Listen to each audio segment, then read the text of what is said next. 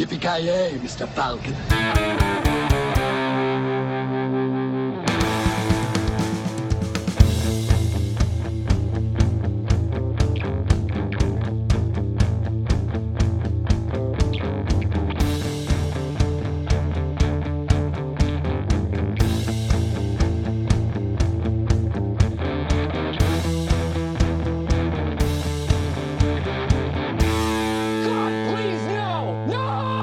Tjena kära lyssnare! Välkomna till Filmsmakarna! Mitt namn är Joakim Granström. I vanlig ordning så har jag med mig Kent från Pite. Hur står det till? Har du snott några uråldriga reliker från eh, indianstammar i Afrika eller? Ah, tyvärr har ju den delen av mitt liv begränsats ganska rejält efter pandemin här. Man kan inte resa hur man vill, men hade, hade det här varit 2016-17 eller någonting, då hade jag definitivt kunnat svara ja på den frågan. Ja, det, En dag som den. ja men det låter bra, det låter bra. Alltså man måste ju ändå hålla- behålla det här äh, hjärtat för att stjäla saker från andra människor. Det, det är som de dyrkar, det, det är viktigt alltså. Jag känner att ta religionen från dem. Ja, vi har kanske inte berättat det, men privat så är vi ju två eh, världsomspännande mästertjuvar som stjäl eh, diverse reliker. Allt från eh, i sällsynta Evil Dead-utgåvor till eh, Lasse Åberg-handdukar. Exakt. Alltså vi, vi är ju praktiskt taget inspirationen till både Tomb Raider och eh, Oceans Eleven. ja, en jävla eh, mix där. Ja, ja men alltså du vet, de där Las Vegas kasinosnubbarna, alltså deras DVD-utgåvor, de är inte lätta att få tag på. De är de dyraste, nyaste, mest moderna kassaskåpen alltså. Det är, inga, det är inga amatörer som kan ta, liksom, ro hem de grejerna. Det krävs åratal av skicklighet. Ja, och- tyvärr saknar vi den tredje länken av Mr. Avoya som gjorde en Göran Persson och snattade lösgodis eh, på gränsen till Finland. ja, därför kommer man inte över gränsen helt enkelt. Exakt. Så han, han sitter i finskt fängelse vid det här laget skulle jag tro. Gränsvakterna kollade bara på honom och sa att "Nej, vi vill fan inte ha in några fler kriminella på det här stället. Han försökte muta dem med kärkarameller men det gick inte så bra. Exakt. Nej men smaka, det är gott! Jag är oskyldig! En imitation som kommer gå till historien. Ja, det, man lägger på lite kalanka aktig röst så är man hemma. Ja, vi- Nej, nu, nu ska vi inte vara sådana. Men vi, vi lider med dig. Eh, Och kom ihåg att eh, snitches get stitches och så vidare. Exakt. Ha det väldigt, väldigt nära i bakhuvudet. Ja, nej själv då. Ja, alltså jag, jag, eh, jag, precis som dig, alltså pandemin har ju satt eh, käppar i hjulen för de flesta av mina tjuveriupptåg här, men du vet, eh, nu börjar ju saker lätta upp och jag menar, jag hoppas att fasiken till sommaren kanske man kan fara iväg på en stöldresa ändå. Det, det skulle vara trevligt att komma hem med några säckar av eh, ovärdeliga reliker stjäla från, eh, stulna från andra människor som liksom vikt sitt liv åt dem. Det, det känns ändå bra i hjärtat tycker jag. Ja, man lider ju, men det känns ändå som en yrkesgrupp som har lidit eh, jäkligt mycket under pandemin. Alltså de här tjuvarna som åker runt och snor saker i, på internationellt eh, plan så att säga. Ja men alltså det är det som är grejen, man förväntar sig att ja men okej nu är det någonting som händer, då sticker folk iväg och lämnar sina hem och sina liksom juveler så att säga obevakade eller åtminstone inte lika bevakade men fan nu är, nu är, nu är folk där hela tiden. Det, det går ju som inte att göra någonting. Jag menar visst, man kan ju vara en sån här liten eh, fulare snubbe och döda alla men det, det känns, steget att gå från liksom tjuv till massmördare känns ändå ganska stort. Jag menar en eller två personer okej, men när vi börjar komma upp på typ 10-15 stycken då kan det kännas lite väl grovt. Ja, men det håller jag med om. Definitivt. Ja, nu har vi pratat om tjuvar. Jag vet inte, är eh, Jackie Chans karaktär i Armor of God eller Operation Condor 2 kolon The Armor of Gods? är han en eh, Thomas Crown-figur eller vad är han för någonting?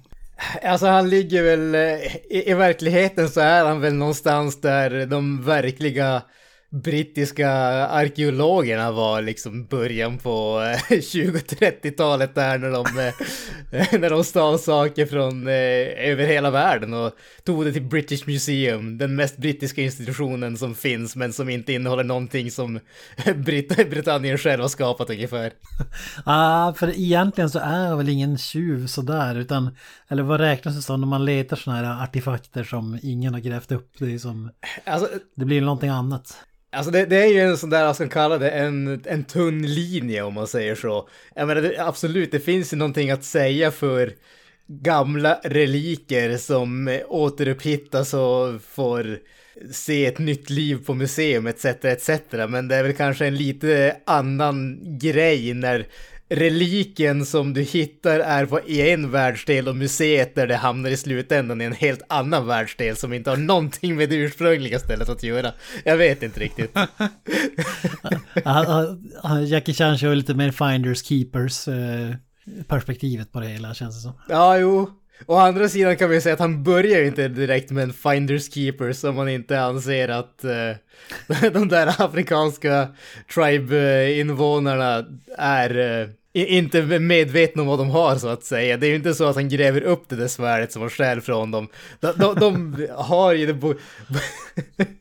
kan, ju börja, kan ju börja med att berätta att den här filmen öppnar hårt med att eh, en kvinna ska offras.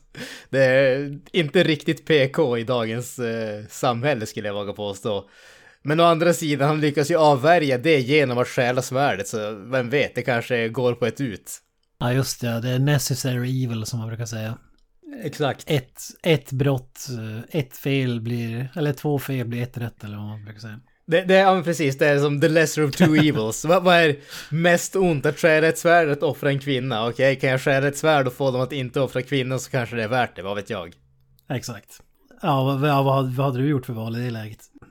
Jag hade ju väntat till efter de offrar kvinnan och stack därifrån och den då tagit svärdet. Det känns som det mest logiska. Just det. Speciellt med tanke på att de inte vet att han är där förrän han liksom kajkar den där jävla statyn. Och då hade du väl åkt dit eh, enligt svensk lag. Vad fan man kallar det nu igen? Eh, civilkurage eh, lagen eller vad fan man nu Jag kan, jag kan stå här och med ärligt hjärta svensk säga lag att jag i Afrika. har inget civilkurage. ja, svensk lag i Afrika. Exakt.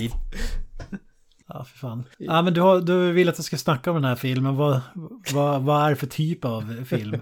jag kan ju börja med att säga att uh, det, det, här är ju alltså Armor of God. Vi kan ju ta, ta, den där grejen redan från början nu, bara för att klargöra för folk här alltså. Uh, för du introducerar ju den här som Operation Condor 2, The Armor of the Gods. Uh, vilket ju är intressant nog. De släpptes i omvänd ordning i Amerika helt enkelt. Så i verkligheten så är den här, den heter bara Armor of God. Eh, och eh, släpptes 1986.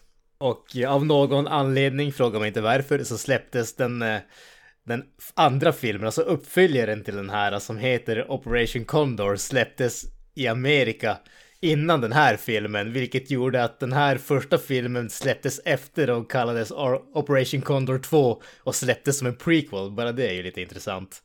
Ja. Bara för att göra en lång förklaring av någonting som är relativt enkelt ändå. Jag älskar så här när jag sitter och läser på Wikipedia nu. Då står det also known as Operation Condor 2, The Armor of Gods in the United States. Och så sen This film was followed by the sequel Armor of God 2 Operation Condor. Alltså, man bara vänder på tilläggsnamnet ja. och byter plats på tvåan så är det fullt logiskt. Solklart åt vilket håll det ska gå så att säga. För jag, jag hade inte sett den här filmen tidigare så när du sa att vi ska se Armor of God, då tänkte jag, åh fan, det, det, är en film som jag i och för sig inte har sett, men alltså jag kände till Operation Condor och Operation Condor 2. Eh, men jag hade ingen aning om att Armor of God var samma film så att säga. Ja, så det var ju intressant. Fick man äntligen se den. Ja men precis. Alltså det här är ju en av de där filmerna som, jag, jag berättade i eh, introavsnittet när det kom till eh, Jackie Chan där att vi hade den där kiosken där, där de hade en massa VHS med gamla Jackie Chan-filmer. Och jag ska inte svära på det, men jag är relativt säker på att det här var en av de filmerna som jag köpte där. Så jag tror att någonstans hos morsan och farsan borde det finnas en VHS med den här filmen. Eh, men jag måste säga att den, den är ju faktiskt riktigt jävla underbar alltså. Det, det här är ju en riktig eh, Jackie Chan joint om man får säga så. Alltså han spelar huvudrollen, han regisserade den och han eh, skrev den tillsammans med en massa andra människor. Så han har haft fingret med i, i allting så att säga. D- där är lite fundersam. Alltså, vad innebär det att vara regissör till en film där du själv är med i typ varenda bildruta? Alltså, jag har ju sett så här bilder från när eh, eh, Stallone regisserar... Eh, eh, oj. Eh, vad fan heter den? Ensemblefilmen. Eh, Copland? Nej, alltså nyare. Jaha, Expendables? Expendables ja. När, när han står liksom och skriker, han håller i två pistoler typ cut! alltså, kör, rulla, gör så, si så. Men jag undrar här, att Jackie Chan är regissör, innebär det bara att han har gjort sin, bestämt hur stunsen ska se ut och någon annan snubbe filmar dem? Är det det som är regissörsbiten eller jag tror att det är mer än så? Alltså jag tror, jag tror definitivt att det är mer än så. Inte minst för att eh, även om det är mycket stunds och actionscener i den här filmen så är det ju faktiskt ganska mycket annat som är eh, som görs i den här filmen, speciellt i mitten av den. Sen så, vad heter det, små, smått intressant kan ju jag tycka. Det, det framgår inte riktigt jättetydligt eh, i vilken ordning de här grejerna hände eller vad det egentligen var som hände. Men alltså, den här filmen börjades ju med en annan regissör, eh, Eric Sang, som ja, både regissör och skådis var bland annat med i Infernal Affairs. Men han började regissera den och sen så efter det här misslyckade stuntet som vi kommer att, vi kommer att komma till senare, där Jackie Chan nästan dog, så eh, efter det så tog Jackie Chan över regissörsrollen. Men jag har inte lyckats hitta någonstans vars eh, vars det där hände, alltså var det liksom, för det är ju introscenen där det här hände, var, var det det första som de spelade in och direkt efter det så då vad heter det, hoppade Jackie Chan in och tog över rollen som regissör. Eller var det så att de hade filmat mycket mer och de tog det en bit in och sen kom han in och typ avslutade filmen och sånt där. Så att eh, jag, jag, vet inte riktigt hur mycket han egentligen har regisserat filmen, men om man kollar i eftertexterna så står det, där är det enbart han som är eh, credited så att säga som regissör. Ja, okej. Okay. Ja, men det, det, skulle ändå förklara en del om de filmar. Men då min killgissning blir ju då att han skadades och det tog en jäkla tid innan filmen kunde eh, köra igång igen och då kanske han hade andra grejer han måste göra så att han, Jackie Chan fick köra klart på egen hand eller något åt det hållet kanske. Jag skulle ju inte förvåna mig om det är så. Det är ju som sagt, han, han höll ju på att dö där så att jag kan tänka mig att det tog ett tag innan man är tillbaka och redo att göra andra grejer. Så att jag kan mycket väl förstå om andra människor i produktionen hade andra saker som de var tvungna att göra medan han, eh, han återhämtade sig och inte kunde återvända när det väl var dags. Ja, det var inte ta magnesyl och ring mig imorgon utan det var mer än så så att säga. definitivt, definitivt. Ja men du, jag måste ju höra, alltså vad tyckte du om den här filmen? För det, vi pratade ju om eh, Drunken Master i, ja förr, förra avsnittet blir det här nu. Det, som var en film som inte var till din smak eftersom det bara var en kampsport och ingen direkt handling och sånt där. Den, den här filmen har ju betydligt mindre kampsport och betydligt mer handling och dessutom eh, betydligt mer vanlig action om man vill kalla det det. Mm. Alltså, jag ska erkänna en sak. Det, det här är ju så här Indiana Jones-aktigt. Det, det står överallt när man söker på den här filmen. Indiana Jones-style. Och jag är, lite, jag är lite besviken på mig själv för jag har alltid sett mig som ett stort fan av Jackie Chan men nu har vi sett två filmer som jag ändå inte... Alltså den här gillar jag ju mer än den förra, det gör jag, men jag älskar den inte. Eh, men det kan också ha att göra med de här Indiana Jones-grejerna. Eh, alltså jag tror jag bara har sett en Indiana Jones från start till mål eh, någonsin. Det, jag vet inte varför, det, det, är inte bara min grej. Jag har sett den där det smälter nazister, jag vet, jag vet inte vilken. Alltså jag, jag, jag är ju faktiskt samma sak där. Jag, har aldrig varit något speciellt stort fan av Indiana Jones. För, för det är konstigt för jag älskar Harrison Ford och det känns som att alltså, den typen av film borde passa mig jävligt bra. Och det är samma här, jag älskar Jackie Chan. och, och om man då kunde få välja någonting att byta ut Harrison Ford mot Jackie Chan, det vore ju, det på pappret låter det som 10 av 10. Eh, men jag tycker ändå att det handlar un, under solitt hantverk eran, även om hantverket kanske inte är supersolitt så Alltså det, den får inte det där... Um, det känns som en film som om jag hade sett den när jag var yngre jag hade nog tyckt om den mer idag så att säga. Det, det är alltid svårt med, med humor och sådär. Det åldras ju så jäkla dåligt. Eh, och hans humor i de tidigare filmerna är ju som ah, det, det är ju vad det är. det, det kanske du kan hålla med om, även om man eh, gillar filmer och sådär. Så, men så är det med alla komedifilmer som man ser. Ser man dem 20-30 år senare efter att de gjordes så är det helt andra referensramar för vad som är kul idag så att säga. Så det är jävligt svårt. Eh, så humorbitarna är ju inte 10 av 10 eh, för min del. Men jag tycker ändå om den så pass mycket att jag skulle säga att det är en underhållande film så att säga. Det är väl typ där jag står någonstans. Ja. Alltså jag, jag är ju definitivt mer positiv än dig. Det här är ju som vi sa innan, det här är en film som är right up my alley alltså. Eh, jag, jag tycker den här filmen är guld från början till slut i stort sett. Den, eh, jag får, jag får allt som jag någonsin vill ha i en film i den här filmen i stort sett alltså. Det, det är bara så.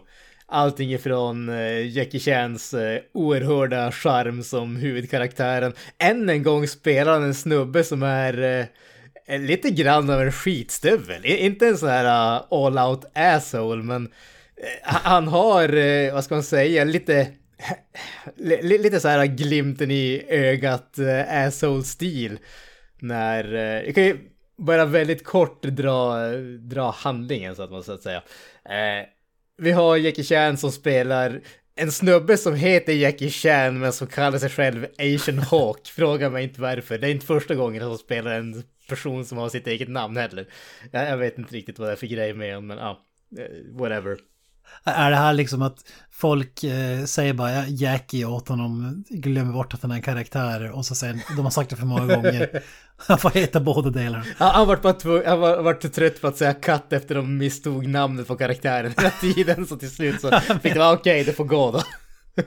så så var det i Rush Hour till exempel, vet, eller Rush Hour 2 eller någonting. När Chris Tucker säger Jackie hela tiden så får de klippa om alla jävla scener för att Eh, han inte säger eh, Detective Detektiv Lee eller vad han heter. han.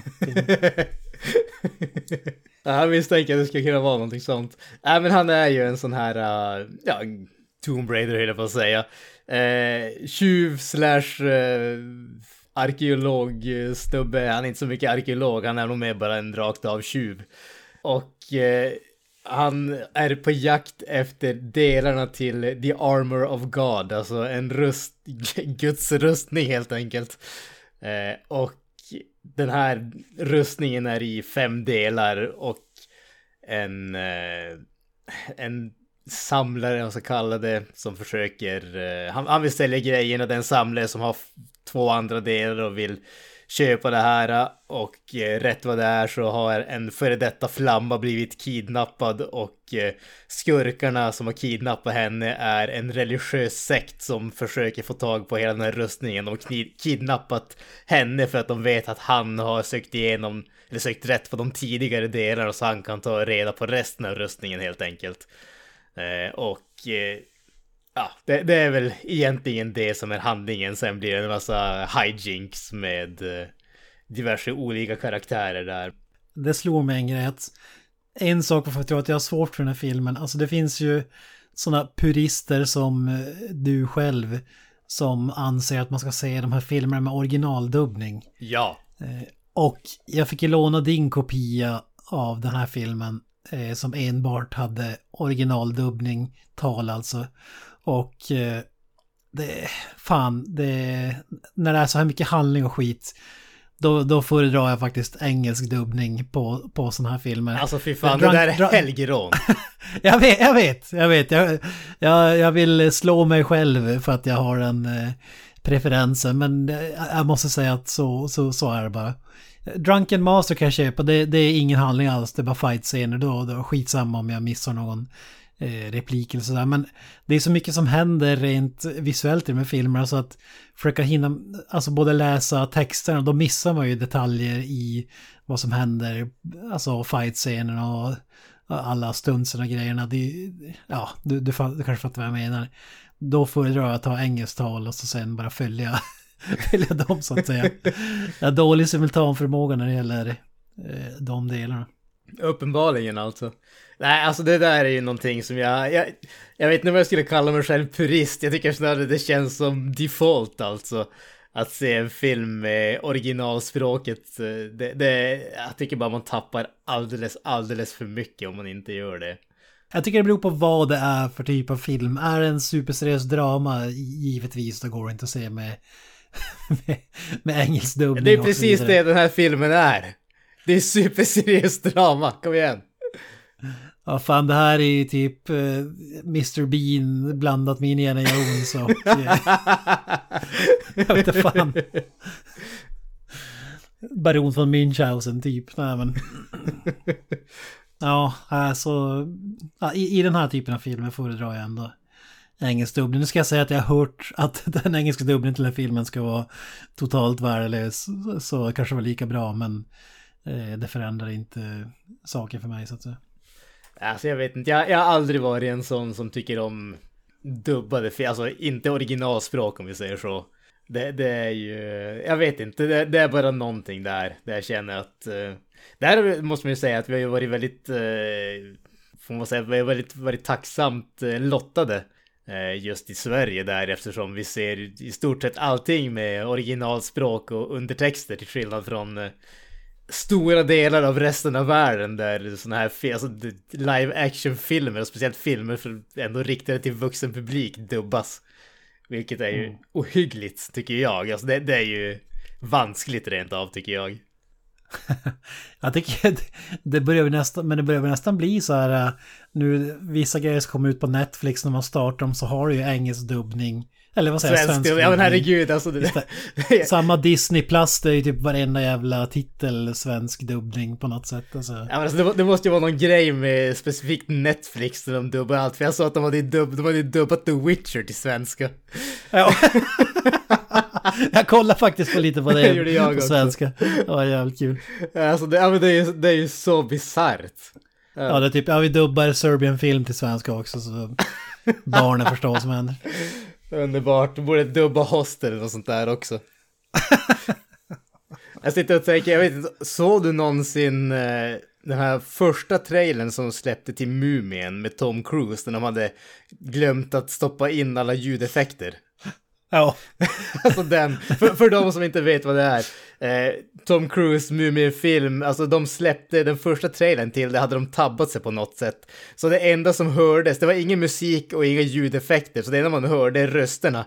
Men det är ju en actionfilms-trailer, så att det är liksom två dialog, två, två eh, meningar med dialog och resten är bara så här typ stönande, ah, uh, uh, när de Och slåss. Och, ja, precis, random skrik och sådana grejer.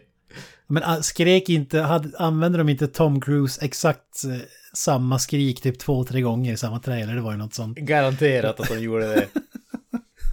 Det, är, li- det är lite sån känsla jag får av eh, att se dubbade filmer. Alltså det, det går aldrig att få det att kännas naturligt. Och speciellt de här gamla Hongkong actionfilmerna och se dem dubbade. Det, det blir väldigt ofta den känslan för mig alltså. Ju- Just precis som den trailern. Det, det som är synd med de här filmerna, även om du skulle välja att eh, ta eh, mandarin eller kantonesiska eller vad det nu är, eh, så det är ofta blandat språk, så att någon snackar mandarin, någon snackar kantonesiska, så även om du säger alltså valt ett asiatiskt språk så har du någon som är dubbad för att det inte är exakt samma språk eller dialekt. På, och det märks ju också, jag tyckte mig säger i den här filmen bland annat att någon snubbe var dubbad, men Eh, vad vet jag. Ja, nej men så är det ju definitivt. Och speciellt sen när vi har eh, de, eh, vad ska man kalla dem, de vita skådespelarna. Den här filmen utspelar sig i stort sett, ja nästan till hela vägen i Europa dessutom. Och när du har en av de eh, huvudpersonerna är ändå en vit kvinna och så är hon dubbad till kantonesiska genom hela filmen. och hennes pappa som också är med och spelar, eh, någon sorts baron eller någonting åt det hållet också är dubbad till kantonesiska. Det är liksom absolut. Det, det, det finns definitivt brist på flyt om man säger så, men samtidigt så är det ju jävligt avigt om det har resten av filmen, alla kinesiska karaktärerna pratar eh, kinesiska, någon variant av kinesiska och sen har du random andra människor som pratar helt andra språk. Eh, Skur, skurkarna lika så, de är ju ändå östeuropeiska människor. Ja, jo, jo de är väl knappast eh, britter eller något åt det hållet. Nej, precis. Det måste man ju faktiskt säga om, om den här filmen alltså. Det är ju en riktig eh, Globetrotter-film får man säga. Alltså den spelades ju in typ all over the place. Det var... Eh, före detta Jugoslavien, det som eh, idag är Kroatien tror jag. Eh, och i Österrike, Frankrike, Spanien och Marocko. Alltså det, den är ju typ inspelad överallt. Det, det känns verkligen som en eh, stor produktion och det, det, kan jag tycka, även om det är en eh, snyggt gjord film och sådär. Det, den känns inte globetrottery när man ser filmen, om man säger så. Det känns inte som en film där de far över hela världen, utan när de, det är första introscenen som är i Afrika och sen är det typ uh, Paris ungefär. Och så känns det som att där är de resten av filmen i stort sett. Ja, det är egentligen bara första scenen som känns lite international. Ja. Och sen, men det, ja, det, det är typiskt när typ enda gången någonsin det är eh, en film där det inte bara är en green screen i Hollywood så är det över hela världen men det syns inte. Nej, men, men å andra sidan så måste vi säga att det är ändå trevligt att de faktiskt har haft den budgeten att de kunde göra en sån där grej. Ja, jo. Annars, för, ja, för annars är det ju den där jävla green screenen som alltid, alltid ser hemsk ut. Ja, ja den vill man ju undvika på tal om Mumien-filmen och så vidare. Är det något mer namn som är värt att nämna i rolllistorna? Alltså det, det känns inte riktigt som att det är det. det. det. är ju ingen som man har eh, som man har någon större koll på. Alltså du har eh, som sagt Jackie Chan som har gjort eh, allting i stort sett. Sen har du Alan Tam som från vad jag har förstått som spelar, om man säger hans före detta kompis slash rival för tjejens intresse om man säger så vad, vad jag har förstått så är han mer en eh, musiker, känd som en musiker. Och lite grann av eh, backstoryn kan man säga till de här två är att de var i ett band. Eh, eller en popgrupp. Och så vart de eh, en, det var de två eh, som var eh, kåta på en av de andra medlemmarna som det är kärleksintresset om man säger så. Och eh, när Jackie Chan förlorade så slutade han bandet och blev en treasure hunter och började kalla sig Asian Hawk. Den där Alan Tam verkar vara en sån som är mest känd för att ha gjort uh, musik och sånt, men tydligen är en väldigt stor kändis i Kina slash Hongkong. Men, just den där bakgrunden verkar vara att det, det, är lite att den driver med hans riktiga bakgrund om man säger så. Ja. Sen har du ju Rosamund Kwan som är då sagda, eh, sagda kärleksintresse och är den kvinnan som blir kidnappad och unites eh, Jackie Chan och eh, Alan Tam då. Eh, hon är med i Once upon a time in China med Jet Li, den trilogin. Eh, hon är, alltså jag vet att jag har sett henne i andra filmer men hon är inte en sån där som jag kan säga att jag har någon sån där superkoll på på något som helst sätt. Lola Forner är ju den som spelar mig, eh, det, den europeiska kvinnan i den här filmen och tillika Jackies nya kärleksintresse. Eh, jag kan inte säga att jag har sett någonting annat som hon har varit med i. Eh, hon var med i Wheels on Meals den vet jag att jag har sett men jag kommer inte ihåg henne i den. Det är en annan tidig Jackie Chan film. Men, men noll koll på henne. Den enda andra som det känns som att någon om någon skulle ha koll på, det känns jävligt tveksamt men ändå. Eh, Bosdar Smilanik. Smiljanik. Ja, någonting åt det hållet. En, ja, han ja. Exakt, den, den snubben. Eh, han var med i den här filmen, han var med i uppföljaren, han var med i Project A Part 2 som också är en Jackie Chan-film. Så tre Jackie Chan-filmer han var med i. Och dessutom så var han med i uh, The Peacemaker med uh, George Clooney och Nicole Kidman. I en liten roll där, så att inte vet jag. Han är även en sån där östeuropeisk kändis antar jag. Eh, eller var han är död i det här laget. Det finns ett namn till som är värt att nämna. Yep. En svensk, eh, med svensk koppling faktiskt. Åh oh, fan. Bo Svensson heter en snubbe som spelar eh, en av munkarna. Uncredited förvisso, men han ändå med i IMDB-listan.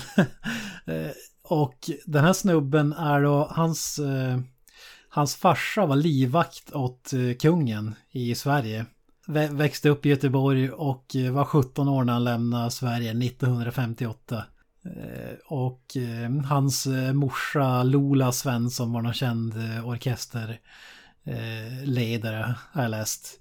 Och han har jobbat i Hollywood och sådär och, bland annat varit med i Inglourious Basterds och Kill Bill. Åh fan. För att, för att nämna några filmer. Inte så att han har några gigantiska roller i någon film, men ändå en liten profil där som hade ingen koll på honom innan jag läste, jag kollade bara hela IMD-listan och så tänkte jag fan det lät svenskt, Bo Svensson och eh, mycket riktigt.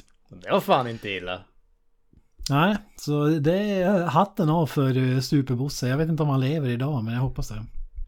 Eh, enligt eh, IMDB så ser han ju då inte ut att vara död i alla fall, för de brukar ju ha ett dödsdatum. Däremot är han ju inte speciellt ung längre, född februari 1941, så att eh, han börjar ju definitivt bli en, en äldre herre, men han verkar... Om då- du lyssnar på det här, eh, vi har gärna med dig i podden. Ja, definitivt. Om, eh, om herr eh, Bo Svensson, Sir Bo Svensson, råkar, Sir Bo Svensson som vi kallar honom. rå- råkar lyssna på den här podden så vi, vi tar jättegärna med dig i podden. Vi, vi har väldigt låga krav på våra, våra gäster så att du behöver inte oroa dig. Ja, duger det åt Quentin Tarantino så borde det duga åt eh, filmsmakarna också tänker jag. Exakt. ja, fan, det var inte illa.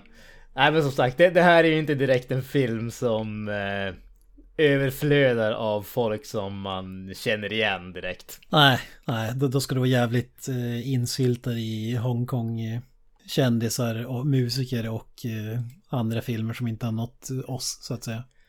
Precis. Här i väst ska jag lägga till.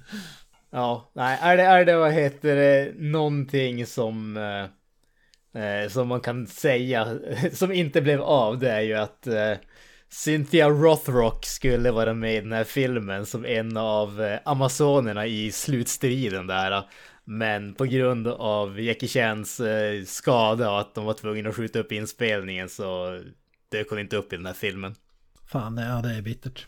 Ja, det, det är hårda smällar alltså.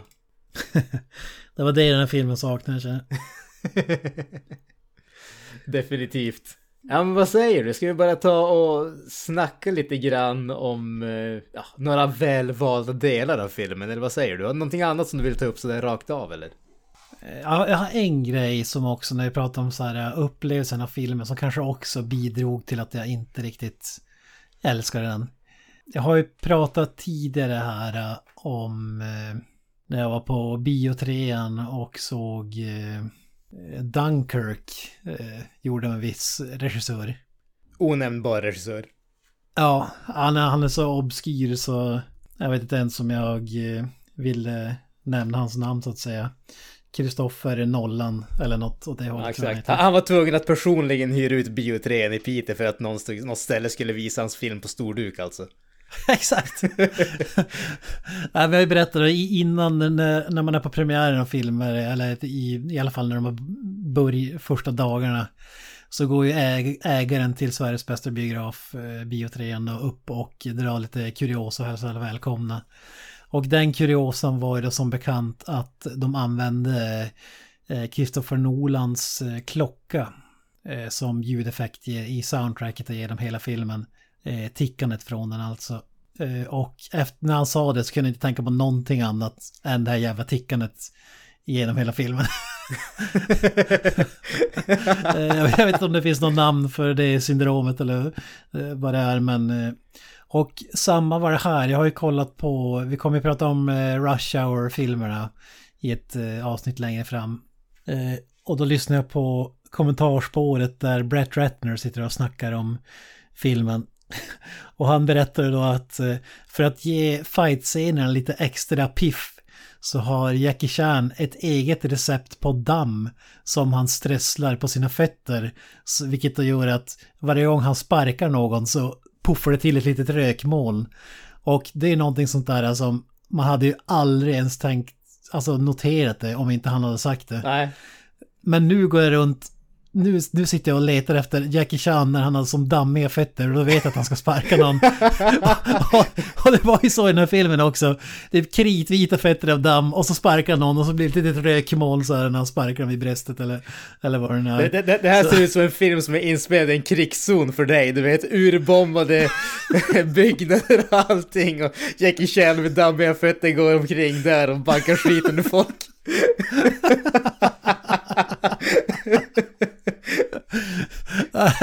alltså, nu, han, han har lite förstört Jackie Chan-filmen för mig känner jag. För nu sitter jag och letar efter de där dammiga jävla fötterna och vi ser det lilla rökmolnet som uppstår varje gång han sparkar eller delar ut ett slag. Och nu, nu har vi spridit det vidare till våra, våra lyssnare. Ja, spoiler alert eller vad man säger. Förlåt kära lyssnare men ni kan ju försöka radera det från era minds nu framöver. Alltså jag vet inte om det är en sån där grej som jag skulle störa mig på. Men jag kan förstå det. Är man, är man en sån som hakar alltså det, upp det... sig på sådana där speciella grejer. Så det, det behöver inte vara, så det kan ju vara vad fan som helst. Och så hakar man bara upp sig på så kan, går det inte att släppa det. Nej, alltså det, det är inte så att jag stör mig inte på det men jag, jag är så fascinerad av det. Han har ett eget hemligt dammrecept. Och går och dammar ner sina fötter och sätter...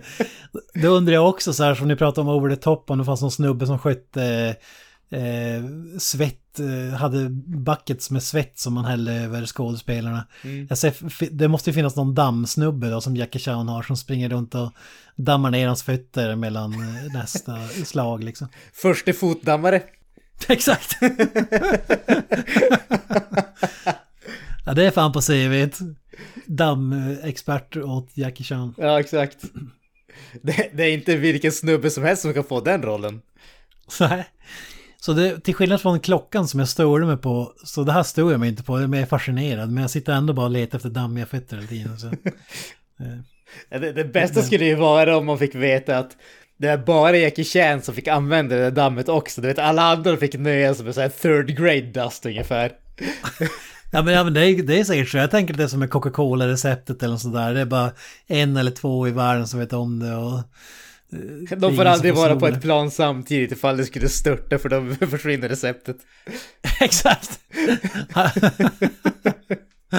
och, och, så han gör en sån här, han köper in massa grejer som man inte ska kunna räkna ut hur mycket han har av varje dammkorn. Utan han tar in damm från Bosnien, Sverige, Uruguay bara för att finta bort folk. Och så använder han bara ett sorts eh, damm för att mixa ihop den här superdampartikelpåsen han har. Kemiskt korrekt blandning. Exakt. Nej men, ja, men jag älskar sånt där, ett hemligt recept på damm. Det, och det dammar som fan, inte minst i slutfighten av den här filmen kan jag säga. Mm. Eh, men nog om det, vi, vi går vidare. ja men som sagt, jag tänkte att vi tar och snackar lite grann om eh, några underbara scener i den här filmen. Det känns som att man måste ju börja i början av den här filmen helt enkelt. Alltså Jackie Chan har, eh, vi börjar mitt i en actionscen höll på att säga. Jackie Chan har infiltrerat en, eh, som kallar det, ett mänskligt offer. En grupp afrikanska infödingar har eh, eh, fäst en kvinna på en eh, trästolpe helt enkelt och jag förutsätter att de ska offra henne. Eh, och han är där för att stjäla ett svärd helt enkelt. För att stjäla det svärdet så det, han, han lyckas eh, kajka, han ska åka en linbana, ska kalla det, eh, över till en staty för att nå svärdet, men han lyckas eh, kajka huvudet på en staty och eh, sätter sitt eget huvud där och gör lite minspel för de här infödingarna. Eh, vilket jag tyckte var eh, ganska så underbart. Alltså den här scenen känns så icke PK i dagens läge, måste jag säga. Eh, det verkligen känns som de här uh, ociviliserade människorna som kommer Jackie Chan och bara hånar dem för det. Men sen får vi den här, eh, eh som kallas actionflyktscenen, eh, alltså när han eh, lyckas eh, sno åt sig svärdet eh, och ska fly och eh, gör det här stuntet som vi pratade om tidigare där han eh, nästintill dog. Alltså han, han flyr, han hoppar från en liten, eh, som man kallar det, en terrassen av eh, av grunden så kallade, hoppar över det, grabbar tag i en trägren eh, och sen bara hoppar vidare så att säga. Och eh, han lyckades tydligen göra det perfekt första gången men han ville göra en andra tagning av den.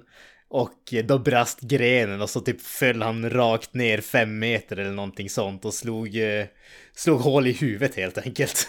Ah, det är så jävla bittert för att alltså om man ska göra det så vill man göra det. Det ska ju vara så här ett gigantiskt stunt som ska se mäktigt ut på på duken, inte det här. Eller vad säger alltså, ja men precis. Och det är det som, fast det, det måste jag säga, det är en sån där grej som bara det är inget fel med stuntet egentligen. Problemet är bara hur det är filmat, för det är en rejäl close-up. Det här skulle lika gärna kunna vara en halv meter över marken. Man har ingen som helst känsla av att det är fem meter över marken för det är filmat så tajt in på. Hade de bara dragit bort kameran en liten bit så man fick den här känslan av att oh shit, alltså här, det här är högt. Då hade det varit en helt annan grej, men det får man inte här så att det känns verkligen som att han höll på att mista livet för ingenting faktiskt. Exakt. Jag håller med, för som du säger, det är filmat som man, man tänker att han lika gärna kan hålla i en vanlig kvast eller någonting. Alltså typ den, så högt ser det ut att vara. Ja. Men det är klart, de hade kanske inte det. Å, å ena sidan typ, varför ta den risken om det är så jävla, om det knappt syns på duken.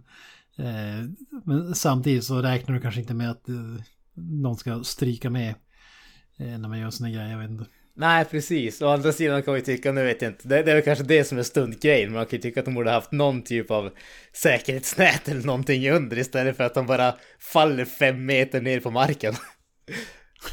eller att de hade haft liksom ett speciellt träd som de visste skulle ta vikten hans istället för bara okej, okay, det här är ett träd som växer här. Ja, men det, det funkar säkert skitbra, bara svinga från det.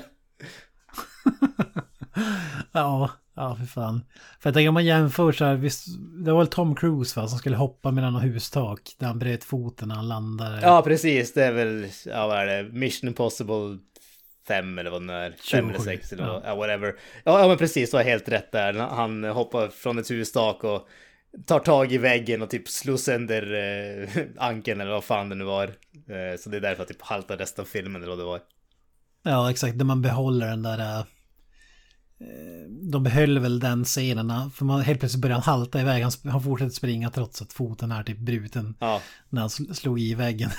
Exakt. men, eh, men då känns det ändå mer värt att det är med på i filmen också. Ja, det är i och för sig det här också på ett sätt. Vi kommer till det senare, men eh, det hade känts mer värt än det här, bara en throwaway eh, scen i mina ögon. Ja, men definitivt. Och sen är det ju alltså, det är ju ändå en stor höjdpunkt i den Mission Impossible-filmen. Alltså det är ju typ filmens stora jaktsekvens. Eh, där det händer. Så att det, det, det, det, det funkar ändå som ett crescendo till den om man säger så. Det har byggts upp den här biten när han flyr hela vägen och till slut så ska han hoppa över det jävla hustaket för att klara sig. Det byggs upp till någonting. Här öppnar du bokstavligen talat filmen med det här. Så det, du har ingen känsla av att det öppnar eller att du har något allvar i situationen egentligen. Det, och det är det som är grejen också. Därför att det här är ju en komisk scen. Alltså du, du har de här uh, ociviliserade in, uh, infödingarna. Han låtsas att uh, liksom för att fly så ger han dem en ölburk och så dricker han, han öppnar sin egen öl och dricker den och så visar det sig att uh, ölburken som han gav dem var en rökgranat och sånt där. Det, det, är ju inte en sån här allvarlig jaktscen eller någonting åt det hållet. Det här är ju en komisk scen. Nej, det är inte så här Brandon Lee när han blir pepprad i for real i The Crow också. I det. Nej. Nej men... så, så, nästa gång Jackie Chan när du har tänkt vara med om en dödsolycka så välj rätt scen och gör det så att säga. Exakt. Och om du också Ska, lyssnar på den här podden så är du väl, mycket eh, välkommen att vara med i den. ja, är du tillräckligt bra för Brett Ratner är du tillräckligt bra för filmsmakarna. Ja, men känner, är det någonting man ska kritisera skådespelare för så är det den här typen av grejer alltså. Ja, men ni, ni lyssnar, det låter galet när vi säger det kanske, men ni fattar vad, vad vi menar förhoppningsvis. Vi är inte kända för våra otroliga sinne för humor, men det betyder inte att vi inte har ett otroligt sinne för humor. Och vi jobbar aldrig med er ni heller, så det kan man ha i åtanke framöver. Jag tycker en, en, annan grej som var jävligt märklig eh, är den här uh, antikrundan budgivningen. Mm. Där Jackie Chan gömmer sig på typ ett, ett tak när den här budgivningen pågår. Och typ viftar till en annan snubbe att han ska buda eh, mer eller mindre. Eh, vad fan var poängen med det egentligen? Nej men det är bara för att visa, det, det är ju än en gång, det är bara för att visa att han är lite pengakåt. För han säger det senare i filmen också. Eh, just det där när skurken frågar vilken gud tillber du och han säger liksom My God is money. Alltså det är det som är grejen, den där snubben är ju Eh, han, han, är ju där för att eh, trissa upp priset på varan som han själv vill sälja. Det är därför han blir, eh, det är därför när han säger att eh, öka priset lite grann och snubben bokstavligt dubbla priset från, var det, 150 000 dollar till 300 000 dollar. Så han liksom får en hjärtattack nästan till. Men det är det som är hela den poängen. Jag tror att det är bara där för att visa att det, dels är han lite skrupelfri om man säger så och dels så är han väldigt pengakåt. Ja, ja i och för sig. Det kan väl tjej på, på något plan då. Jag tycker ändå det är jävligt kul. Det är som att de skulle stå där. eh, Har du sett det? Förrådsfyndare som det heter på svenska. Aldrig någonsin hört talas om det. Okej. Ja, men det är ju det en, en serie semi-fake. Där eh, folk som hyr eh, förråd i USA och så när du glömmer bort att betala eh, sista paymenten då får de som äger det här storaget eh, auktionera ut eh, ditt förråd och allting i det till högstbjudande. Okej. det låter fan kul. Ja, ja men det är jävligt kul. Jag har sett typ 20, säs- det finns typ 20 säsonger där som jag playat igenom. Eh, det blir, det är aningen stageat ibland när det är typ, åh här har du en, det fanns en diamant i bland de här skitiga kalsongerna i princip. men, men, ja, bara, men bara tanken på att han skulle göra några så här hemliga signaler åt någon som skulle stå där och buda. När de budar, då står de runt där äh, förrådet och så är det en snubbe som bara going once, going twice. Eh, det, det känns bara efterblivet, men eh, ja, jag köper din förklaring. Jag älskar också, nu, nu ska jag ärligt säga, jag har noll koll på hur sådana här äh, high price aktioner äh, auktioner fungerar. Men jag tyckte att det var väldigt intensivt prishöj, alltså prishöjningen var väldigt intensiv. Det var steg på 5000 dollar. det var Jesus Christ. Men kanske, vad vet jag, jag är en fattig svenne och jag menar jag har noll koll på hur sånt här fungerar. Men jag tyckte det kändes jävligt saftigt alltså. Ja, men vad, vad hade en auktion med Guds eh, klädsel?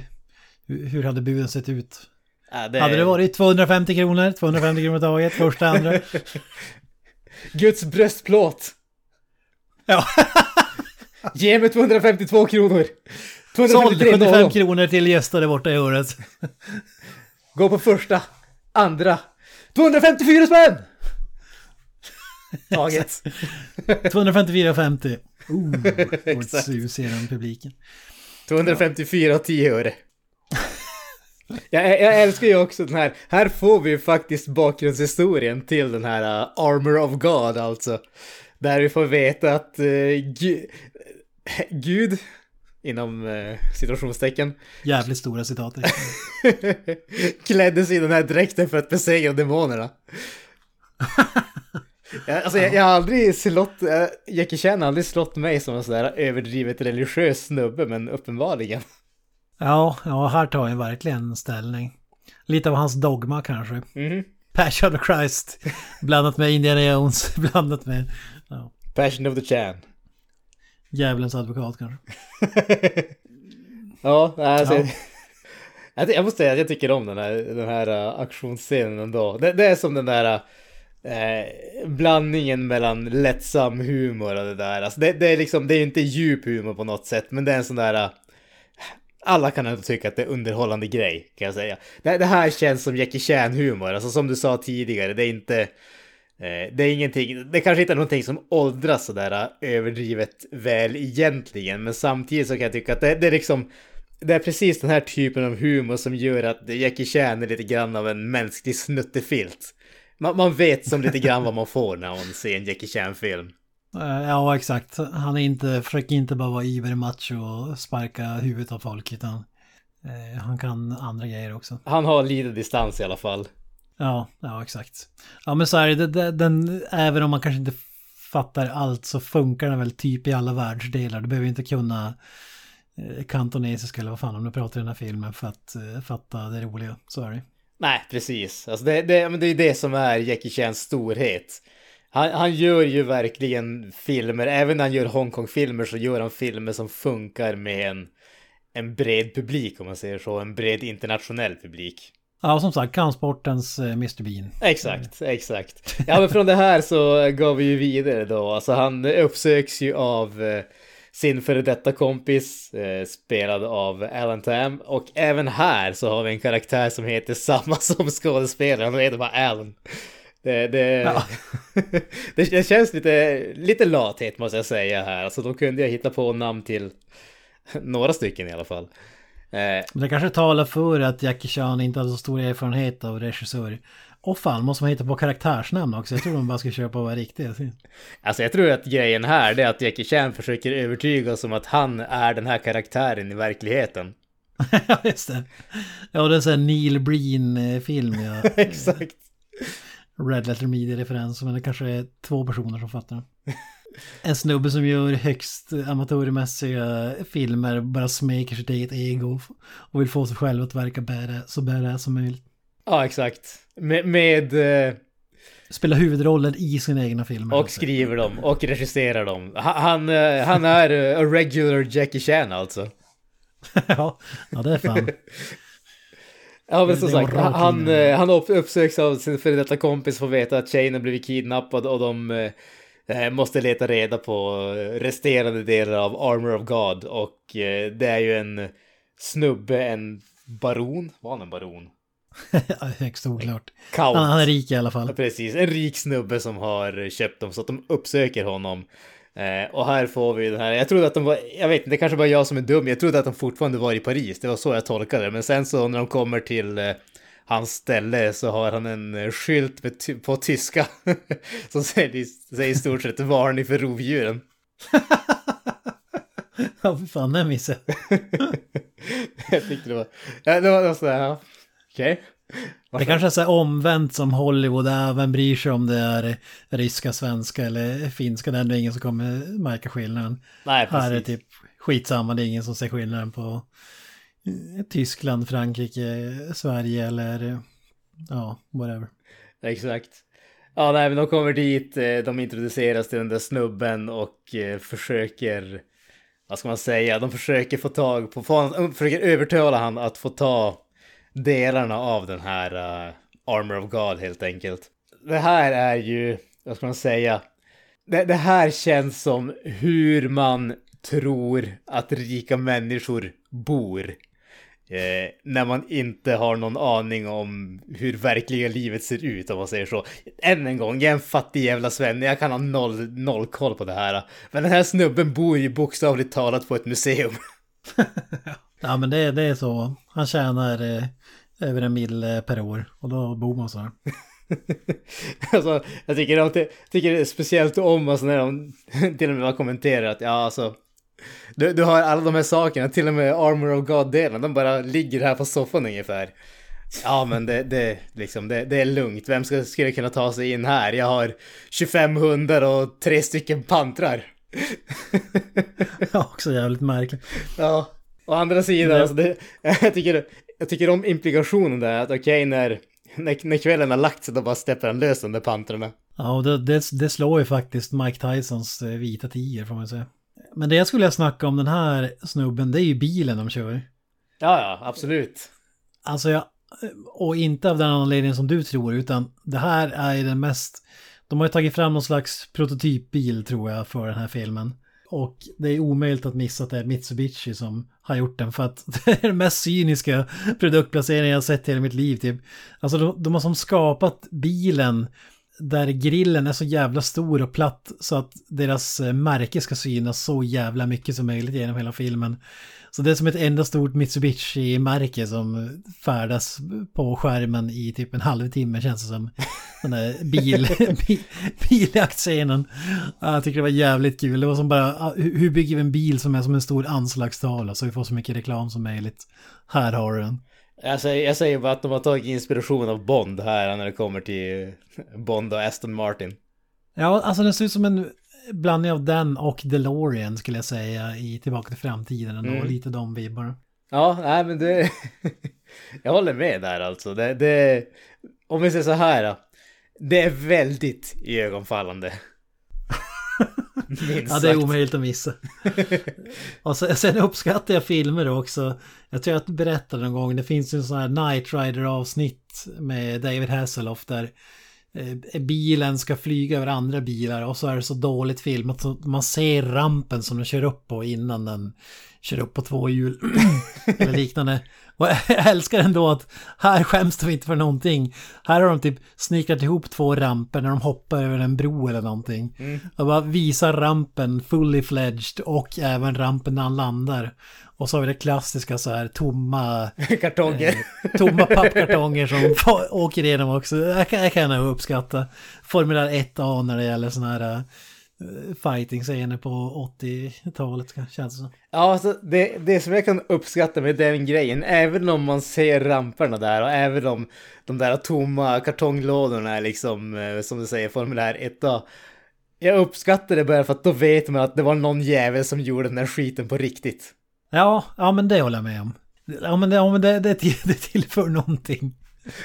Det, det, det, det, man förlorar i illusion vinner man på street cred på något sätt. Ja men exakt. Det, det är liksom eh, brass balls så att säga. Man vet att det var någon som hade jävligt stora cojones och eh, förmodligen en jävligt liten bonus för att göra det här men ändå riskera livet. Ja, det var garanterat Jackie Chan själv som körde över den jävla bron, kan jag med fan på. Ja, jag skulle vara jävligt bes- besviken om det inte var han. Och sen eh, när du nämnde James Bond, antar jag att du menar den stora hårfönen som vecklas ut i bilen. Det ser ut som så här, som man ser i 70-talsfilmer när gamla tanter sitter och liksom med, vad fan kallas det, papiljotter i håret. Ja, På någon sån, på sån här frisörsgrej. ja men alltså det är ju när du har... eh, Ja, vi kan komma dit. Vi får ju det här eh, gigantiska stuntet och eh, då blir vi efter... Det måste man ju säga, alltså den här filmen är ju faktiskt fylld av... Eh, vad ska man säga? Även om det är mycket action så är det ju inte kampsports-action som vi pratade om tidigare utan det är ju ändå ganska vanlig, mycket vanlig action, alltså eh, biljakt, eh, lite skjutande och sådana där grejer. Alltså det är inte, vad heter det, det är inte bara kampsport all the way. Men här får vi den där, eh, som jag sa, alltså de har ju snott det här rakt av i eh, The Dark Knight, alltså när de är ihopträngda på en bro, de har eh, två bilar som kör mot dem, en från vardera ända. Och eh, Jackie Chan hoppar upp i knät på sin kompis och sen så delar sig bilen och så kommer de ut i en sån här liten eh, enmans eh, farkost som de kör runt den ena bilen på och flyr. Vad heter det? Och den där saken ser ju ut som en mobil hårfönsgrej alltså. Ja, minns jag fel, det kanske inte blir exakt samma sak, men var det inte i Michael Keaton Batman också att bat- bilen blev supersmal på något sätt? Att det åkt, alltså en del av bilen Ja. körde vidare. Ja, ja men precis. Alltså det, det är ju... eh, Det, de gjorde en liten eh, omvänd eh, grej där kan man säga. Eh, jämfört med Dark Knight. Dark Knight, då får du ju motorcykeln som är inbyggd i bilen så att säga. Eh, vilket jag skulle säga är mer liknande den här. Men i gamla Batman-filmen så är det när han kör in i den där gränden att han gör bilen smalare på något sätt. Ja, just det, typ karossen lossnar Ja. på sidan eller någonting åt det hållet. Ja, precis. Och här blir den till en mini gokart eller vad fan ska det? Exakt. Och så får vi till och med en fläskig explosion. Ja, just det. All, alla amerikansk eh, 80-talsfilm, alltså två bilar som kör in i en tredje stillastående bil och allting eh, goes up in flames. Ja, ja det, det är Rennie Harlin-style, det gillar man ändå. Man älskar det, herregud. Jag vet inte, det kanske bara är jag, men det känns som att just när det kommer till asiatiska filmer, sådana här explosioner är inte så jävla vanliga ändå. Nej, men vi, vi, vi pratade om det innan vi körde igång här, att den hade ju en bra budget ändå. 15 miljoner dollar 86. Jag vet inte vad det skulle motsvara idag, typ en halv miljard eller någonting. Men, Jag vet inte om det kanske är så mycket, men med tanke på den tidsperioden känns det definitivt som en, eh, en ansenlig summa. ja, jag, får mig, lä- jag kunde inte hitta det, men jag får mig att jag läste någonstans att det var dyraste filmen i någon världsdel någonstans just för då i alla fall. Oklart om det stämmer, men den, den hade ju det är betydligt högre budget än eh, Drunken Master om man säger så. Och det märks ju. Definitivt. Ja men det skulle ju faktiskt inte förvåna mig för jag menar vid det här laget så var ju Jackie Chan ändå på väg att bli en, eh, vad ska man säga, household name höll jag på att säga. Eh, även om han inte hade riktigt nått, nått den statusen men här hade han ju ändå börjat komma i, vad ska man säga, få internationell recognition. Han pratar ju Eh, jag pratade pratar ju om att eh, även när de var i Marocko och spelade in, alltså Nordafrika där, eh, så vart han igenkänd av folk. Ja, men jag vill minnas att han hade gjort några floppfilmer innan det här och att det här blev som eh, lite make or break eh, med tanke på budgeten och så vidare.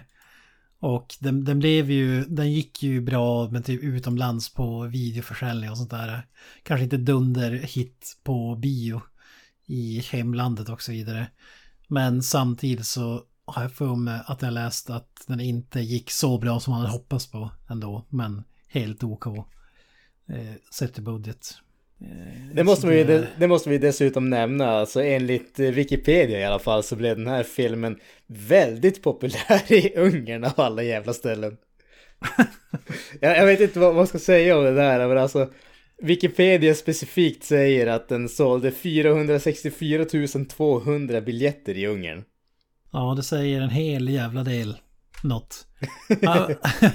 Men vi googlar väl, deras population just nu var 9,7 miljoner så det var ändå en stor procentandel av befolkningen som gick och såg den här jävla filmen. Ja men precis. Och då får vi säga, för du hade lite trivia där om Rush Hour, eller hur var det nu? just det. Jag, jag äger ju alla tre på DVD och på den tredje filmen så står det, är det liksom istället för bästa filmvalet eller vad det kan stå så står det över 100 000 biobesökare utropstecken något åt det hållet. Som att 100 000 biobesökare i Sverige är jävligt bra. Och det kanske det är, jag vet inte. Men det låter ju inte jättemycket måste jag säga. Eh, men då kan man ju slå fast att den här filmen var ju fyra gånger så populär i Ungern som Rush Hour 3 var i Sverige när den kom ut på bio. Exakt, och jag menar, det, det säger ju ändå någonting. Eh, ja, det säger någonting. Jag är osäker på någonting. vad. Tveksamt om vad det är, men om inget annat så är det väl att eh, Armor of God är fyra gånger mer populär än Rush Hour 3. Ungrare har bättre smak än svenskar, det är väl kanske det vi kan slå fast. Det hade varit underbart om den här filmen hade, om vi hade fått någon samma statistik eh, för hur den gick på bio i Sverige. Jag vet inte om den har gått på bio, förmodligen inte. Men om, det hade, om den hade gjort det så hade det, hade det stått typ 20 000 biljetter sålda.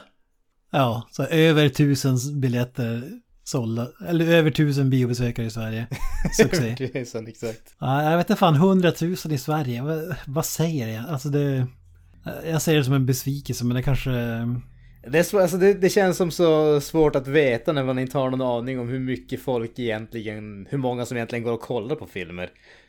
Det, det är ju det. Alltså hade man, för någon, någon gång i sänder så hör man ju ändå från eh, eh från Amerika, alltså Hollywoodfilmer där, att den har dragit in så och så många eh, besökare. Men det känns som det är ingenting som man hör om filmer i Sverige. Åtminstone inte vad jag läser. Jag är jävligt nyfiken på hur det funkar det där när man rapporterar in hur mycket en film har dragit in på bio. När typ Sverige-ransonen ska, alltså hur mycket behåller biotreorna med en biobiljett och hur mycket går straight to Disney och så vidare. Alltså jävligt nyfiken och eh, vad som räknas som en succé. Det är ju inte som ett album, okej okay, nu har den sålt två miljoner ex, nu får du en guldskiva eller någonting utan jag önskar att vi hade det i filmens värld, det hade varit jävligt intressant att se. Ja. Istället för pengar, hur många som har sett skiten. Ja men precis. Så kudos till ungrarna. Exakt, kudos till ungrarna för deras uh, utmärkta smak. Ja men herregud, vi måste ju fortsätta med filmen. Alltså de... Uh de tre som det har blivit nu, alltså de övertalar den där snubben, baronen eller countern vad han heter, att de ska få låna hans eh, delar av Armor of God och eh, i utbyte så kräver hans eh, dotter att få följa med.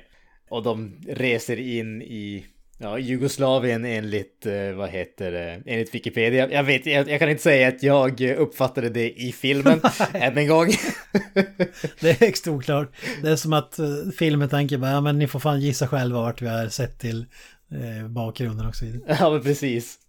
Men de, de reser in i Jugoslavien i alla fall för att infiltrera den här munkorden helt enkelt. Eller de, Alan som har fått ett vad ska man säga, han har fått information att han ska vara på en sån här, ett speciell plats med eh, delarna av rustningen i en, eh, en säck. Och så kommer han att bli kontaktad.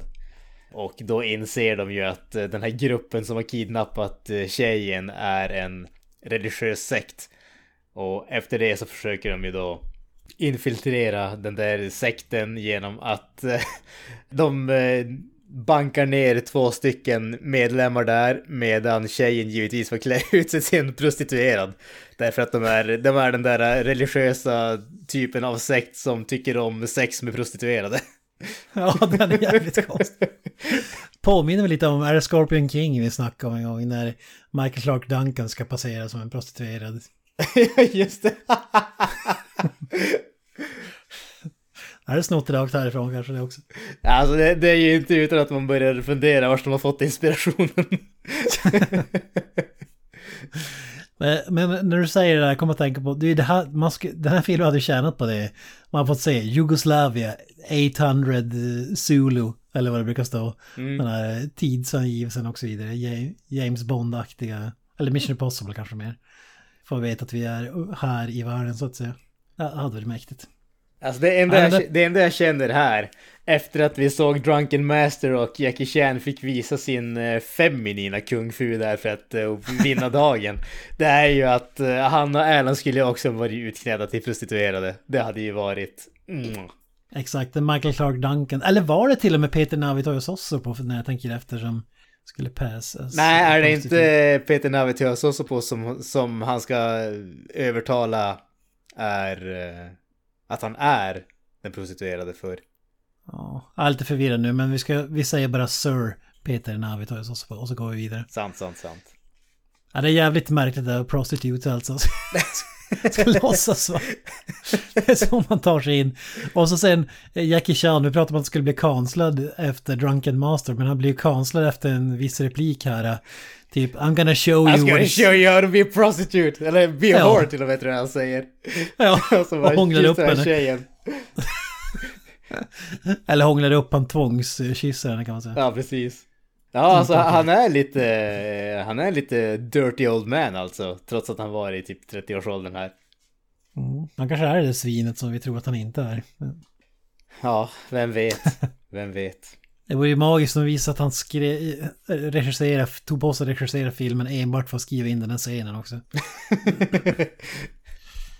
Jag såg på IMDB, han hade tydligen sagt att eh, när tjejen, Lola Forner som skådespelaren heter, hon- hon fick rollen där för att hon var den enda europeiska skådespelaren som de kände till. Ja, då var man jävligt peppad på det. Ja, för de hade ju varit med i, vad heter det, Wilson Mills tidigare, så att de, de hade väl typ någon sorts kännedom om, hon, om henne. Så att, eh, ja, fick hon den här rollen också. Jag tycker hon är helt okej, inte vet jag. Det är inte så att det här är en film som kryllar av fantastiska skådespelarprestationer, om vi säger så. Den är inte dålig på något sätt tycker jag, men alltså det är ju inte... Det, Jag det, står det är inte och faller med den att... karaktären i alla fall. ja, precis. Nej, men det är inte direkt så att jag förväntar mig djup dramatik här, om vi säger så. Nej, men vi får förvånansvärt mycket av den varan ska jag säga. Mhm. Det här triangeldramat och jag, jag tycker inte ens det är värt att nämna den skiten. Ja, fast det man kan säga där, det är ju faktiskt att eh, där får vi lite mer av Jackie Chan i sin asshole därför att de börjar säga Alltså jag vet inte, är, är det ens meningen att eh, jag ska rädda henne när hon inte ville ha mig och alla de där grejerna? Ja, exakt. Hon är kidnappad av en mordisk kult. Och du är den enda som kan rädda henne. Nej, jag känner inte för det, hon vill inte ligga med mig för 20 år sedan. exakt. Ja. Ja, men så är det. Han är, han är lite asshole, det är definitivt i karaktären i alla fall. Ja. ja, men precis. Det känns som att han har mjukat upp sig på senare dagar alltså. Ja, När han verkligen. ville vara goody two shoes och vägrade spela skurk i Demolition Man etc. Ja, det är samma det här om, om man ska rädda sin polare eller ej. Bara typ, ja men vi lämnar kvar det för att du är så jävla dålig på att eh, slåss eller någonting. Så du skulle bara sinka oss. jag älskar den biten också när, när kompisar bara säger Ja alltså hans kung fu den är inte så bra att han eh, kan garantera din säkerhet om jag följer med. Så för att garantera din säkerhet så måste vi vara färre. Exakt. Han kan rädda tre personer men inte fyra. Det var hans kung fu räcker. Exakt. det är faktiskt rätt underbart kan jag tycka. Och han, och han håller med också. Det det är det som är det bästa. Nej, jag vet inte, munkarna här känns ju inte som någon eh, vidare match för eh, herr Chan. Så att säga. Alltså det, det är ju egentligen, ah, det känns nästan som att vi kan hoppa till slutscenen här faktiskt. Det, det Jag vill bara är, nämna en sak med munkarna. Vad är grejen med den här tuggummit? Alltså...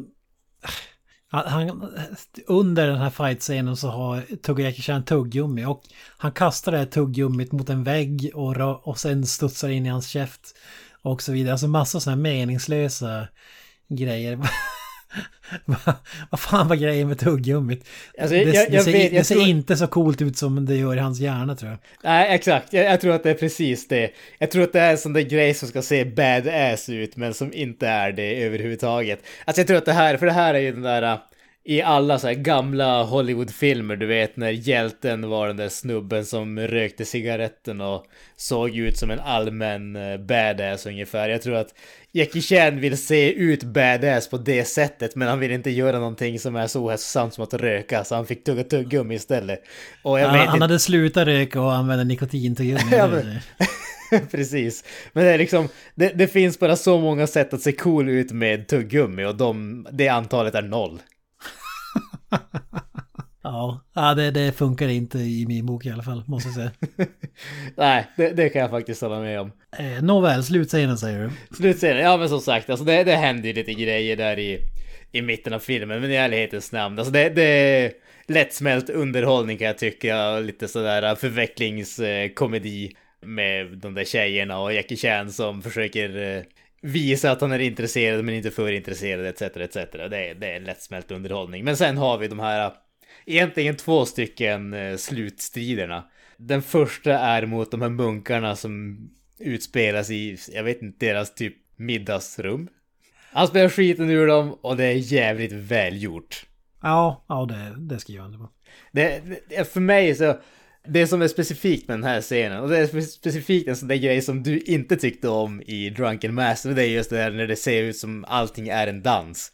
Och det tycker jag att de har lyckats riktigt bra med att det inte ska se ut här. Här känns det faktiskt som att han slåss. Det är några små klipp där man ser att de tar emot varandra och sånt där, men överlag tycker jag att den är jävligt grymt bra gjord faktiskt. Mm, det är inte Van Damme-klass, men det är mycket bättre än i Drunken Master i alla fall. Det håller jag med om.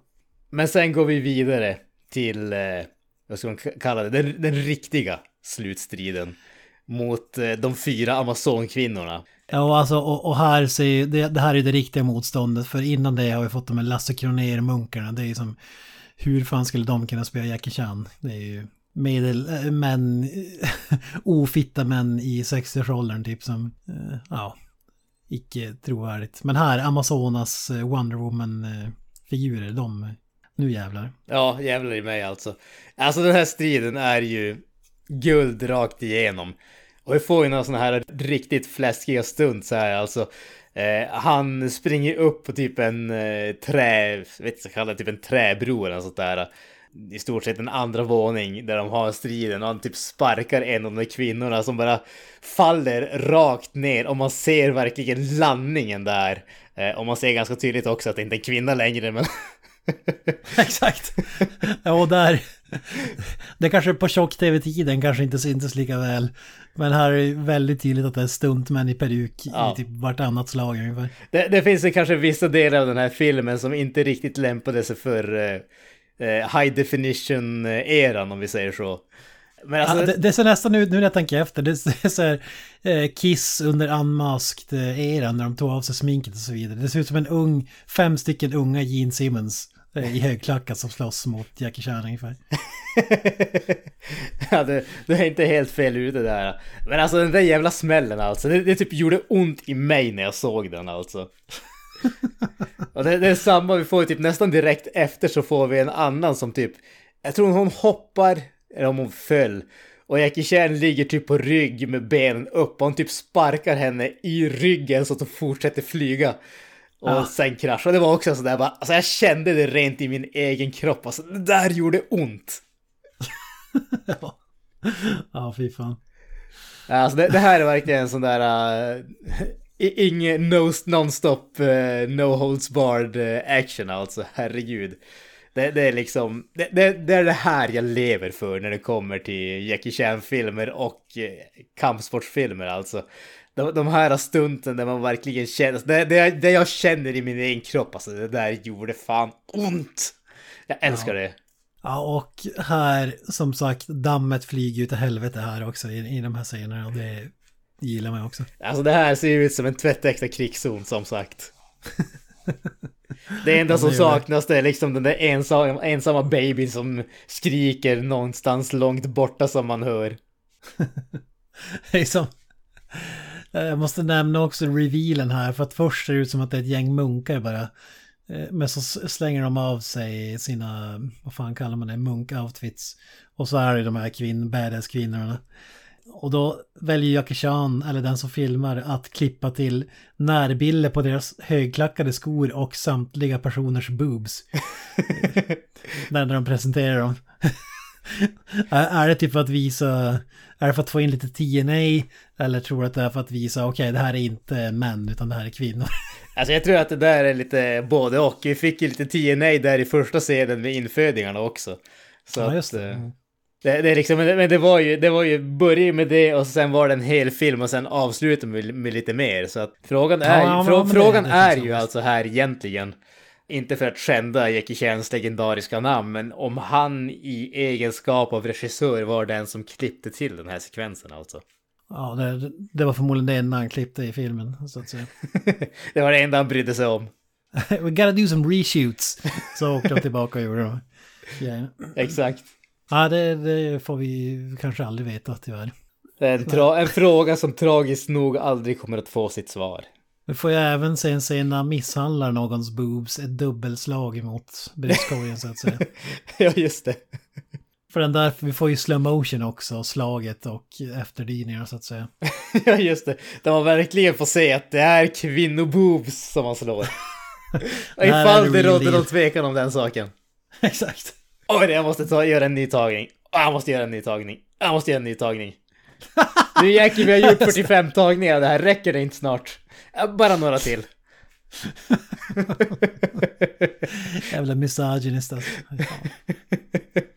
Ja men du, sen så, eh, han flyr ju det här stället, eh, kastar iväg lite dynamit. Och eh, hela, vad, ska, vad heter det, munktemplet? Kloster, heter kloster.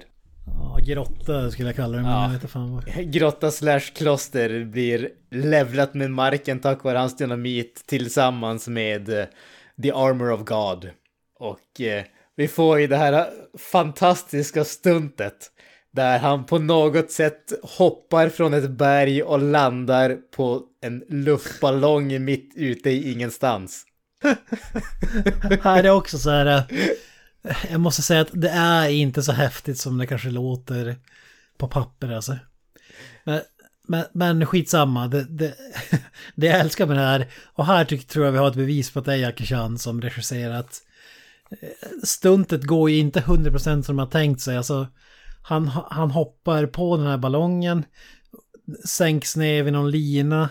Eh, Men det tar väldigt lång tid för honom att, att dra sig in till korgen och de andra.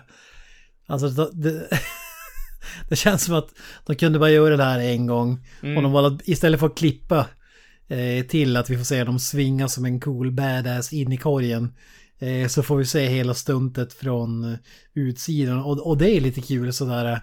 Eh, men det blir också, och det är ju verkligare än eh, mitt, det jag beskrev innan. Men, men det blir ju också så här, eh, en vanlig regissör hade nog inte valt att klippa det på det här sättet. Det är nog bara en snubbe som är stolt över sitt stunt.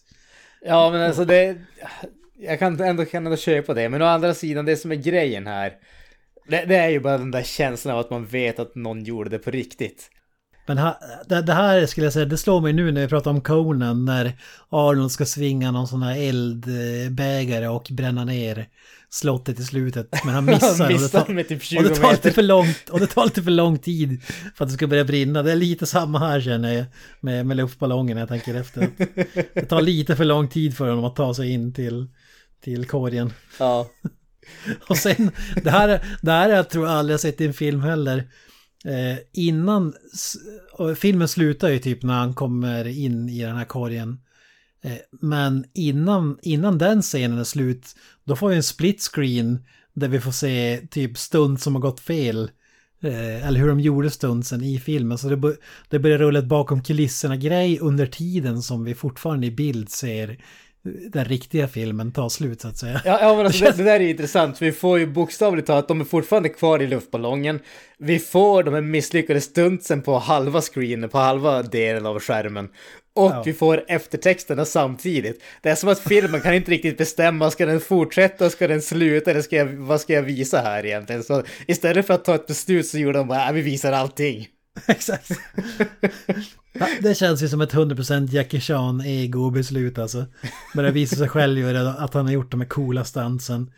Och han vill försäkra sig om att vi har sett dem för att- han börjar visa dem innan eftertexterna rullar så att säga. Och samtidigt som filmen slutar i vänster del av bild. Ja. Det är så jävla konstigt. Ja, fy fasiken. Nej, men det, det, det är underbart måste man säga. Jag, alltså, än en gång, jag kommer tillbaka till det här. Det, det här är en fantastisk film tycker jag. Alltså jag, jag kan förstå att den känns åldrad, att allting inte är liksom vad man hade förväntat sig eller vad man vill att det ska vara från en modern film. Men för mig så den här liksom... Den, den den här eh, ticks all the boxes för mig. Exakt. Alltså det, det slår mig nu att vi, vi är idioter och det är inget nytt. Men nu när jag tänker efter. Eh, vi klagade på att stuntet som eh, han nästan eh, dog av.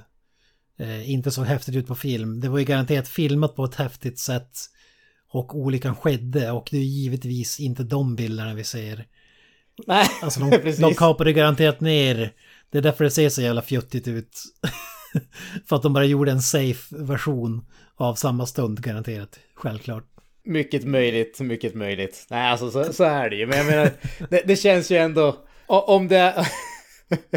det, det här känns ju liksom eh, som... Eh, vad ska man kalla det?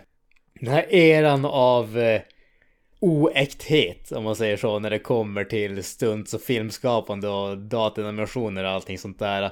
Där vi vi vet bokstavligt talat att snubben höll på att dö. Och vi klagar på att det ser inte tillräckligt farligt ut. Nej. Men jag vidhåller fortfarande att det inte är det stuntet man ska riskera livet för. Det, det, det, den biten håller jag definitivt med om. Då kan man väl argumentera också för vilket jävla stund skulle ha varit att riskera livet för. Men ja, det är inte det här i alla fall. Nej. Nej, Ja. förlåt oss Jackie Chan, vi har varit idioter men eh, ja, det är väl inget. Ja, alltså du, du, du får eh, förlåta oss. Vi, vi ber så mycket om ursäkt. Vi är stora fan ändå, tro- trots att vi har viss kritik mot vissa saker. Vi hoppas att Sir Chan inte stängde av podden efter första halvtimmen eller någonting. Exakt. Han, han, eh, han stannar bara kvar för hyllningarna. När det tog vändningen där, då, då sket han i det. ja, men med det så tycker jag att eh, vi kan väl knyta ihop den här eh, säcken med eh, Armor of God och eh, Jackie Chan för det här avsnittet. Mm. Ja, men det tycker jag. Än en gång, jag vill plugga vårt förra avsnitt eh, där vi snackade om fucking Åmål tillsammans med eh, Nicky Aldén. Än en gång ett stort, stort tack till han. Vi är alltid tacksamma för att ha gäster på podden och speciellt när vi har så fantastiska gäster som vi nu har haft. Så att så är det ju skitkul och det är jättekul om folk vill gå tillbaka en hel vecka och lyssna på de där avsnitten. Jag tycker det har varit eh, riktigt bra avsnitt, eh, riktigt bra diskussion, riktigt mycket humor. Så eh, än en gång uppmanar alla att, att återvända till det avsnittet och lyssna på det. Om ni inte har gjort det och har ni gjort det, lyssna på det en extra gång. Ja, det, det tycker jag verkligen. För att det, Fucking Åmål är en av Jackie Chans bästa filmer också. Så jag tycker det är riktigt bra. Tveklöst. Och det som är så jävla fantastiskt är att han har lyckats göra en så oerhört actionfylld film trots att det är liksom en drös 15-åringar. Och då känns det aldrig som att det är liksom bara folk som inte har någon aning om vad de håller på med. Utan de skulle ju kunna lika gärna vara med i Jackie Chans stuntteam. Ja, och det bästa med dem är att det känns ju inte som en dansfight scener utan det känns verkligen som att det är på riktigt. Att folk liksom bryter armar och ben och, och så vidare. Spräcker skallen. känsla liksom. Så... Spräcker skallen, ja. så stort kudos. Och Ja, flyger tyckte med mopparna riktigt- över broar. Nej men om man ska vara seriös, tyckte det var en riktigt bra gäst. Eh, som sagt, eh, fyller min lucka men det krävs ju inte mycket. Det krävs ju bara att man show up och öppnar käften så är det avklarat. Men, för att överträffa mig så att säga. Men eh, ja, rikt, eh, riktigt bra. Kul med lite svenska inslag också så här i podden måste jag säga. Ja, vi har ju pratat om, det, vi har pratat om det tidigare, att vi är väldigt dåliga på att snacka om svenska filmer. Så att eh, det är definitivt bra att vi får en spark i arslet och faktiskt eh, gör det ibland. Ja, precis. Yes, ja, men det är i vanlig ordning. Ni hittar oss på sociala medier, Facebook, Instagram. Eh, vi älskar eh, när ni håller kontakt med oss, skriver grejer till oss, inlägg, filmrekommendationer etc. Ni hittar oss även på pladdecentralen.com. Har du några avslutande ord Kent? Ja, det var ju det här med Up the Irons. Och jag säger Hail Stan. That's it, man. Game over, man.